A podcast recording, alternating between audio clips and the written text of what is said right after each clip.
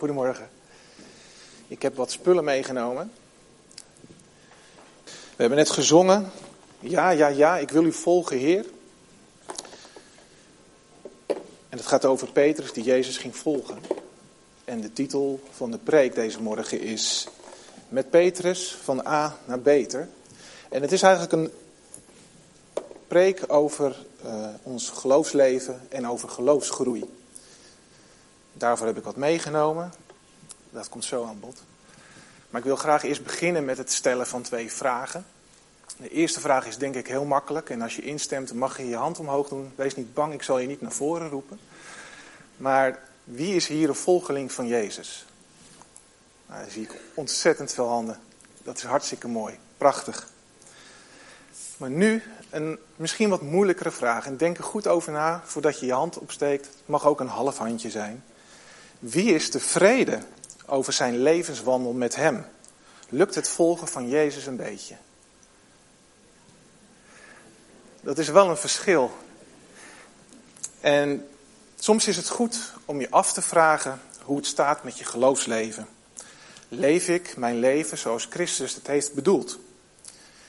Misschien vraag je je wel eens af, is dit het dan? Is dit het leven wat Christus van mij vraagt? Of zit er misschien meer in? Soms is het goed om een moment van zelfonderzoek te ondergaan. En ehm, dat kan door de weeks. Maar wat mij altijd uh, helpt bij dat zelfonderzoek is tijdens een doopdienst. Het was nu zes weken geleden dat Nick en Leo zich lieten dopen. Prachtige, prachtige uh, feestelijke dienst. En dan is het altijd mooi om andere gelovigen te zien en dat zij vertellen hoe ze tot geloof zijn gekomen. Dat je hun verhaal hoort, wat er gebeurd is in hun leven. Maar misschien herkent u dat wel, dat je dan soms ook bij jezelf denkt: hoe is het bij mij eigenlijk gegaan? Vorig jaar, 20, 30, misschien wel 60 jaar geleden. En wat bij mij tijdens een doopdienst altijd extra raakt, dat zijn de doopvragen die gesteld worden. Dat zijn de vragen waarbij ik op dat moment aan mezelf denk: hoe zit het bij mij? Even tijd voor een check-up. En daarom wil ik graag ook deze doopvragen nog een keer voorlezen. Met, het, eh, met de opdracht dat jullie ook bij jullie even nadenken: hoe zit het bij mij? Het zijn vijf vragen. De eerste komt: Heb je Jezus Christus aangenomen en weet je dat je het recht hebt gekregen om jezelf een kind van God te noemen?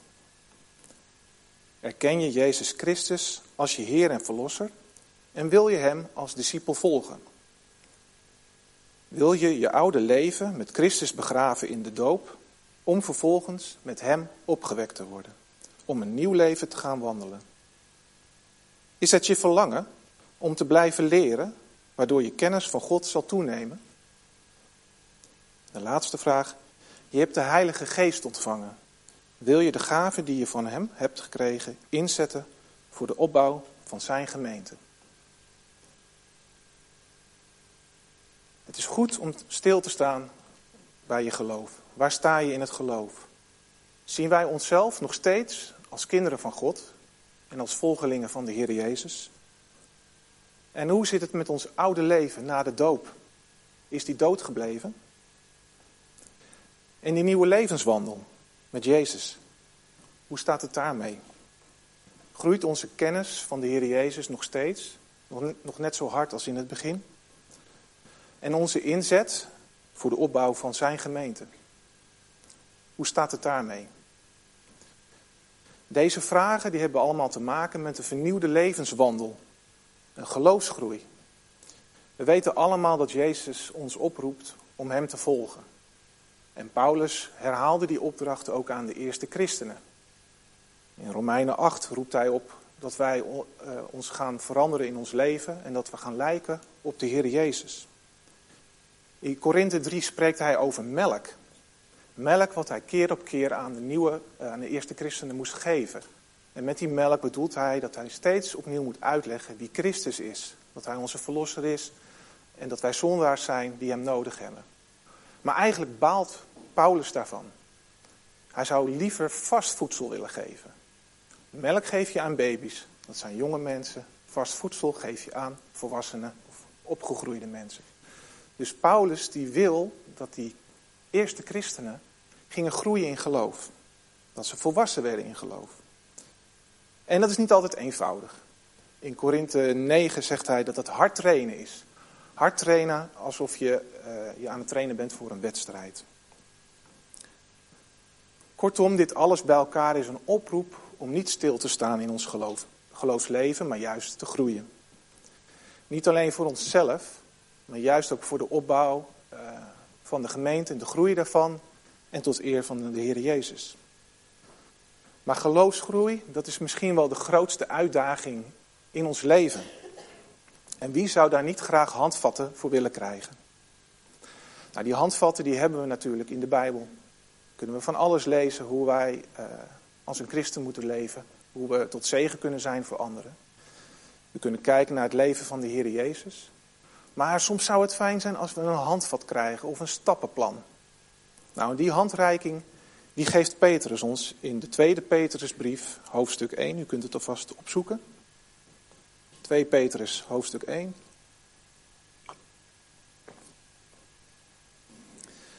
En daarvan ga ik de eerste negen versen voorlezen.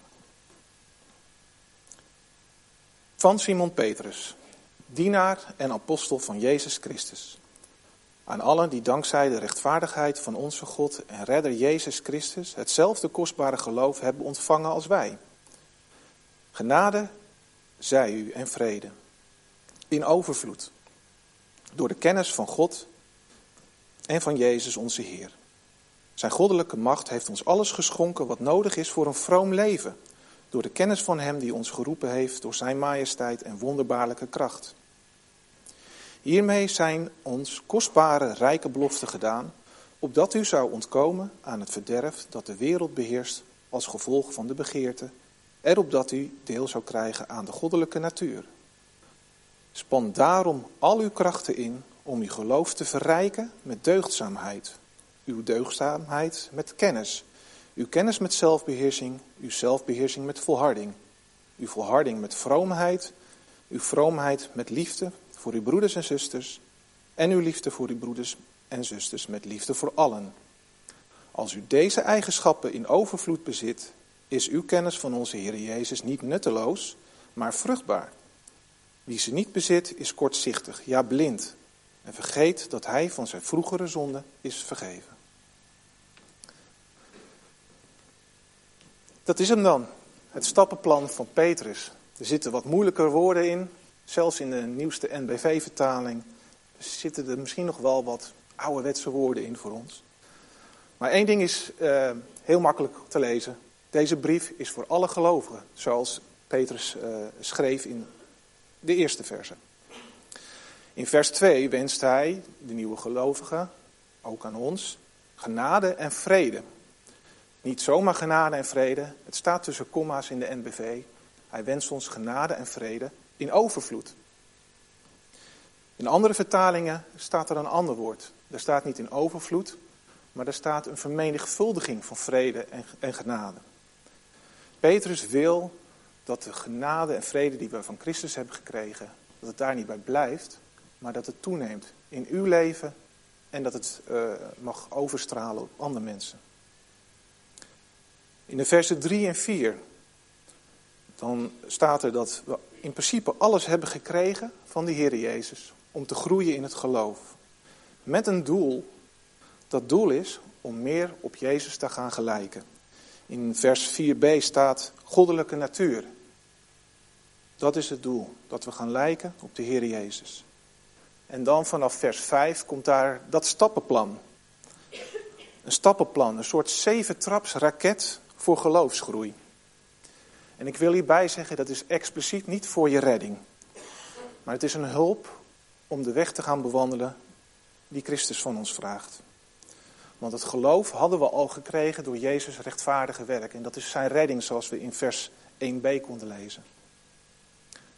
Maar hoe komt Petrus aan dit stappenplan?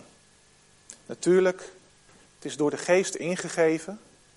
Maar ik denk dat hij ook spreekt uit zijn eigen ervaring uit zijn eigen levenswandel. Daarover kunnen wij lezen in de Evangelie en in Handelingen. Maar dat gaan we nou niet doen, daar hebben we geen tijd voor. Maar toch wil ik jullie even in een soort vogelvlucht door eh, het leven van uh, Petrus heen leiden. Zodat we een beetje een idee hebben hoe zijn levenswandel was en hoe zijn uh, geloofsgroei was. En veel verhalen kennen wij nog wel van de zondagschool. Petrus was vroeger een visser. En toen heette hij nog Simon. Dat betekent hij die luistert. Nou, luisteren deed Simon. Want hij volgde de Heer Jezus toen hij hem riep. Hij noemde zichzelf toen een gezondaar en hij zag in Jezus de Messias die hij wilde volgen. Hij wilde een echte vriend zijn van de Heer Jezus. En op den duur kreeg hij een nieuwe naam.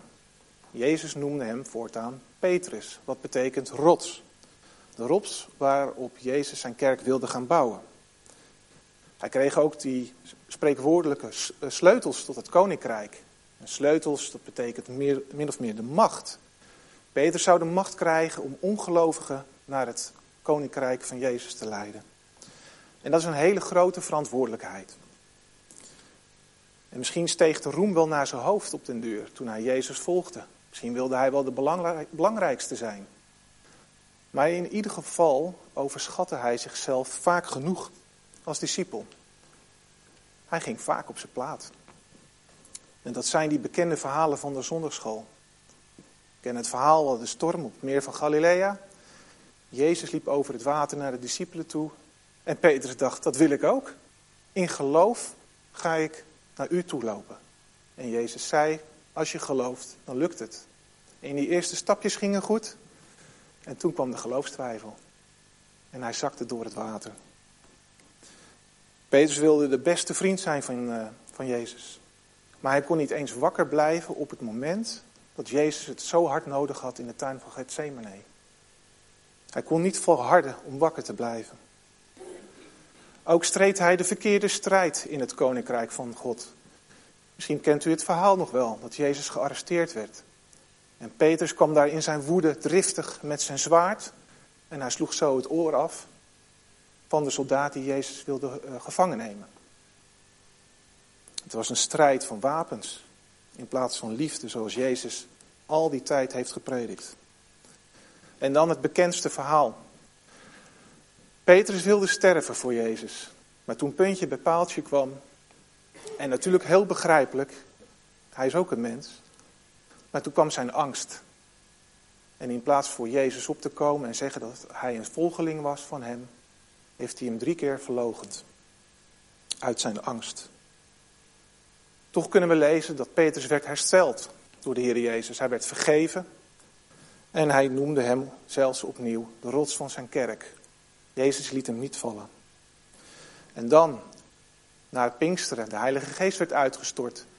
Toen kwam daar die enorme geloofsgroei bij Petrus. Hij ging preken. Hij ging een toespraak houden om te vertellen wie Jezus was. Op, uh, op het tempelplein deed hij dat en na de uitstorting van de Heilige Geest. Hij was niet meer belemmerd door angst, zoals eerder. Hij raakte volhard in zijn geloof. Dat kostte hem uiteindelijk ook een gevangenisstraf. Maar hij werd bevrijd. En daar bleef het niet bij. Daarna ging hij zelfs evangeliseren onder de heidenen.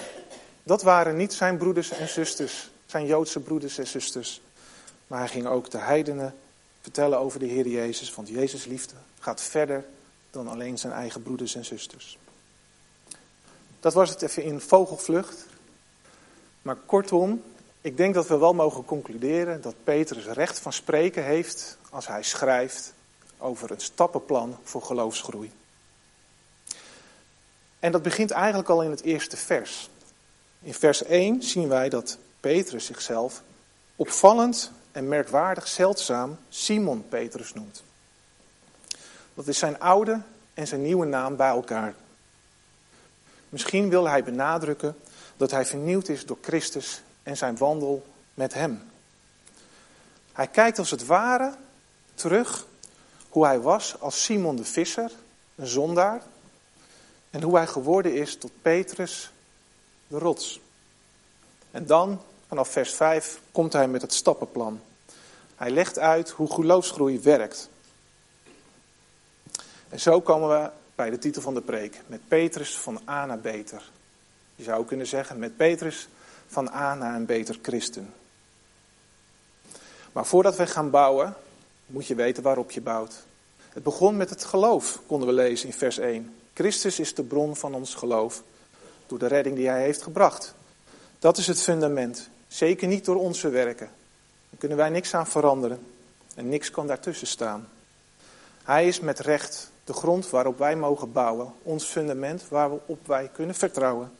En mogen bouwen en groeien in geloof. Maar hoe werkt dat groeien in geloof? Nou, het was een zeventraps raket, had ik al verklapt. Dan moet ik wel de goede volgorde pakken. In eh, vers 5 lezen wij dat wij ons moeten inspannen om ons geloof te verrijken. In andere vertalingen staat dat wij deze stappen in geloof moeten dragen.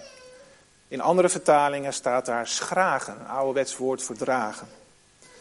Dus elke stap draagt de andere stap. En zo ga je de hoogte in.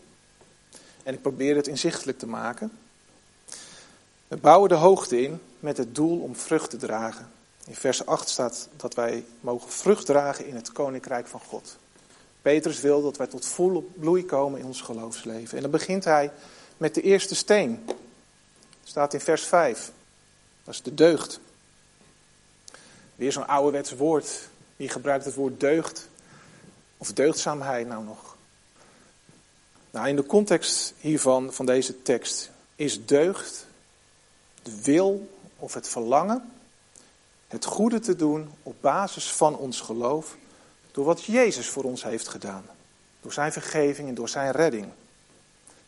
En dat is misschien ook wel een logisch gevolg. Als je hoort wat de Heer Jezus voor jou en voor mij heeft gedaan, dan word je daar enthousiast van. Dan krijg je het verlangen om die dingen te doen die Jezus van ons vraagt. En zo ging het bij Petrus ook. Hij was een, uh, een visser, hij noemde zichzelf een zondaar. En Jezus kwam, hij riep hem om hem te volgen en hij zag in hem de Messias. Natuurlijk, hij wilde hem volgen, ik wilde het goede doen. Misschien herkent u het wel uit uw eigen geloofsleven. Het enthousiaste gevoel dat je voor het eerst hoorde wie Jezus was. Voor jou, wat hij heeft gedaan voor u en voor mij. En dan wil je hem volgen, dan word je enthousiast. En misschien ontbreekt dit verlangen op dit moment wel bij u. Ik weet niet het kan een oorzaak hebben. Misschien heeft u teleurstellingen meegemaakt. Of is uw geloofsleven in een sleur gekomen. Dan roep ik u op. Nee, dan roept Christus ons op om terug te keren naar die eerste liefde. Dat was de eerste steen. Nu gaan we naar de tweede. De, de kennis staat ook in vers 5. Kijk, we gaan al een trapje hoger. Wanneer het verlangen er is om Christus te volgen, dan moet je daar gehoor aan geven. Misschien kent u het wel, toen u verliefd werd op die mooie vrouw of die mooie man. Dan wil je bij hem of haar zijn, maar je wil ook alles van hem of haar weten. Dat is met geloof ook zo. Als je Jezus wil volgen en je hebt de wil om alles van hem te weten, dan komt de kennis daarbij. Paulus zei al, hij wil niet dat we baby's in het geloof blijven, maar dat we groeien. Zodat we de uitdagingen van het leven aankunnen. Jezus is het vlees geworden woord. Als we zijn wandel hier op aarde bestuderen en lezen wat hij heeft gezegd, dan kunnen we daarvan leren. Want hoe kan je heel goed worden in schaken? Hoe kan je goed een nieuwe taal leren? Hoe kan je je beroep uitoefenen zonder eerst te studeren? Dat is essentieel. En dat was ook bij Petrus essentieel. Maar hij had wel echt mazzel, want hij leerde uit de eerste hand. En dan kan je je afvragen, willen wij nog leren? nemen wij nog genoeg tijd om de Bijbel te openen? Om er echt erachter te komen wat Jezus van ons wil. De derde steen, waar staat hij? Hier. In vers 6 komt de derde stap in geloof. Dat is de zelfbeheersing. Wanneer je leert wat eh, Jezus van ons vraagt om Hem te volgen, dan leer je ook dat er misschien dingen zijn in je leven die daar niet in thuis horen of die anders moeten. Misschien wel je oude favoriete zonde die je moet laten gaan. Marco heeft twee weken geleden gepreekt en toen had hij het over een eh, potje schaken met Jonathan. En dat vond ik een mooi voorbeeld. Er werd geschaakt en het doel was het potje schaken winnen. Maar er was een, eh, een bold move, zoals we het zeggen. Marco liet het beste stuk wat hij had, de dame, die offerde hij op. En Jonathan die trapte erin. Maar het doel was niet zozeer dat Jonathan erin trapte. Het doel was, ik offer iets op wat heel mooi is, zodat ik mijn doel haal. Dat is de winst.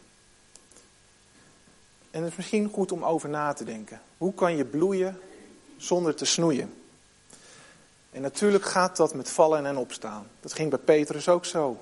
De geloofstwijfel toen hij door het water zakte. De verkeerde strijd strijden met wapens toen hij het oor afsloeg. De fout die hij maakte bij het verlogenen van de Heer Jezus. En misschien herkent u dat zelf ook wel. Die strijd tegen je oude ik, tegen je oude leven, terwijl je zo graag Jezus wil volgen en een vernieuwd uh, leven wil aangaan in Hem. Maar gelukkig hebben wij een vergevende God. Petrus werd vergeven, hij werd hersteld en Jezus heeft zelfs zijn kerk op hem gebouwd, zoals het zei, op de rots. En dat is een geruststelling voor ons. Fouten maken, het mag en Jezus wil ons vergeven, keer op keer weer. Ook in vers 6. De vierde steen. Volharding. Petrus ging uiteindelijk volhardend verder. Dat konden we lezen in de handelingen. Hij had zijn angsten overwonnen, zijn geloofstwijfel was weg, zijn woede aanvallen, zijn strijd van wapens heeft hij ingeruild voor liefde. Dat ging eerst met vallen en opstaan, maar uiteindelijk door het te doen en te oefenen en gesterkt door de Heilige Geest, lukte het hem. Ook Petrus werd geholpen door de Heilige Geest. En als je dan volhardt, dan ben je gesterkt in je geloof. Zo wordt het een deel van je nieuwe ik die in Christus is opgestaan. En misschien is het ook een mooi moment om terug te kijken op je eigen leven. Misschien zijn er al dingen die je herkent waardoor, uh, waarin je veranderd bent door de Heer Jezus. Dank Hem daarvoor. Elke dag weer. Maar misschien zijn er ook dingen in je leven die anders moeten. Bid daar ook voor. Steen nummer 5. De vrucht, ook in vers 6. Vroomheid staat daar. In een andere vertaling staat godsvrucht. Is weer zo'n moeilijk woord, vroomheid, godsvrucht. Maar wat we weten is, als je volhardt in je gelooft, dan komen daar de vruchten. En wat zijn die vruchten? In Galaten 5 worden ze opgenoemd. Dat zijn de vruchten van God. Nou, dat zijn bijvoorbeeld liefde, blijdschap, vrede, geduld, vriendelijkheid, goedheid, geloof, hulpvaardigheid en zelfbeheersing. Dat zijn die kenmerken die ons een aantrekkelijk christen maken voor de wereld die hem niet kent. Jezus zei in Lucas 6, aan de vruchten herkent men de boom. Het is een gevolg, het is een product van een, een veranderd leven, een wandel met de Heer Jezus. Dan gaan we naar vers 7. Vers 7 staat broederliefde. Dat is de zesde steen. We zijn bijna aan de top.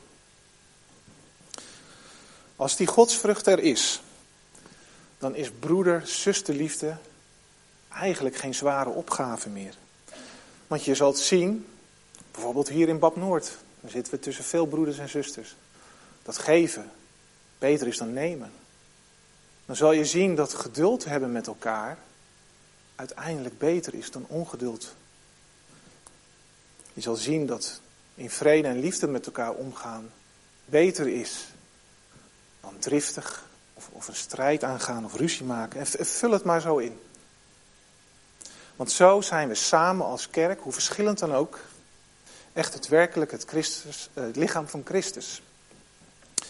En zo functioneren wij zoals Jezus heeft bedoeld.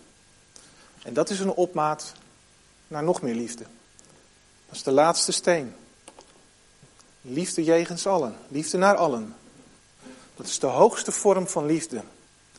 Dat is een goddelijke liefde. Een liefde zoals Jezus gaf aan ons zondaars. Broeder- en zusterliefde onder elkaar hier op Noord. Ja, dat kan misschien soms nog wel eens moeilijk zijn. Hè? Maar dat is een liefde onder gelijkgestemden. Wij zijn allemaal volgeling van Jezus. Als je dat beheerst, dan is de volgende stap dichtbij. Dat is de goddelijke liefde, de liefde naar allen. Want God heeft ook lief wanneer er niets is om lief te hebben. En dat zagen we ook bij Petrus in zijn leven. Uiteindelijk ging hij uh, zijn broeders en zusters, zijn Joodse broeders en zusters verlaten. En trok hij de wereld in om te vertellen over de Heer Jezus. En dat past misschien ook wel goed bij het thema van de afgelopen weken, dat we missionair willen zijn met elkaar. Dat wij de blijde boodschap ook buiten de deur kunnen brengen. Tot slot, beschouw dit als een stappenplan, een handvat bij je geloofsgroei. En nogmaals, het heeft niks met je redding te maken. Zie het meer als een hulp om zijn, wacht, uh, zijn weg te gaan bewandelen. Want dat is ook Jezus verlangen met mijn leven en met u en jouw leven. En ik wil één vers voorlezen waarin Paulus dat mooi samenvat in Efesiërs 2, vers 10. Daar beschrijft hij eigenlijk het verlangen van Jezus met ons leven. In vers 10 staat, want Hij is het die ons gemaakt heeft tot wat, tot wat wij nu zijn, in Christus Jezus geschapen, om de weg te gaan. De weg te gaan van goede daden die God heeft voorbereid. En daar mogen we ook op vertrouwen, dat God dat pad voor u en mij al heeft voorbereid. Nu moeten hem alleen nog gaan bewandelen.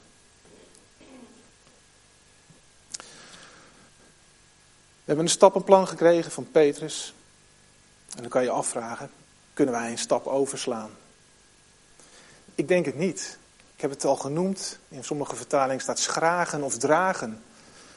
Kan je volharden zonder je eerst te beheersen.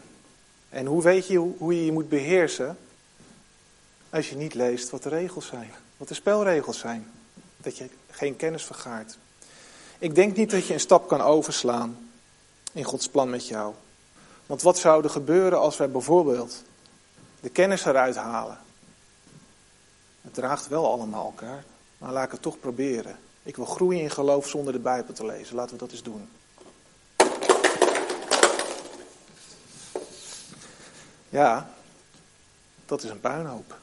Een puinhoop in jou en mijn leven. Misschien herken je het wel. Balen dat je niet de volgende stap kan maken in je geloof. Die geloofsgroei die je zo graag wilt. Je kan altijd weer opnieuw bouwen. Het fundament is de Heer Jezus. Dat staat stevig en je kan keer op keer weer opnieuw beginnen. En dat mag je met Hem doen en gesterkt door de Heilige Geest. Maar ik denk ook hier als Bab Noord dat we elkaar daar best wel bij mogen helpen. Ik wil met jullie bidden.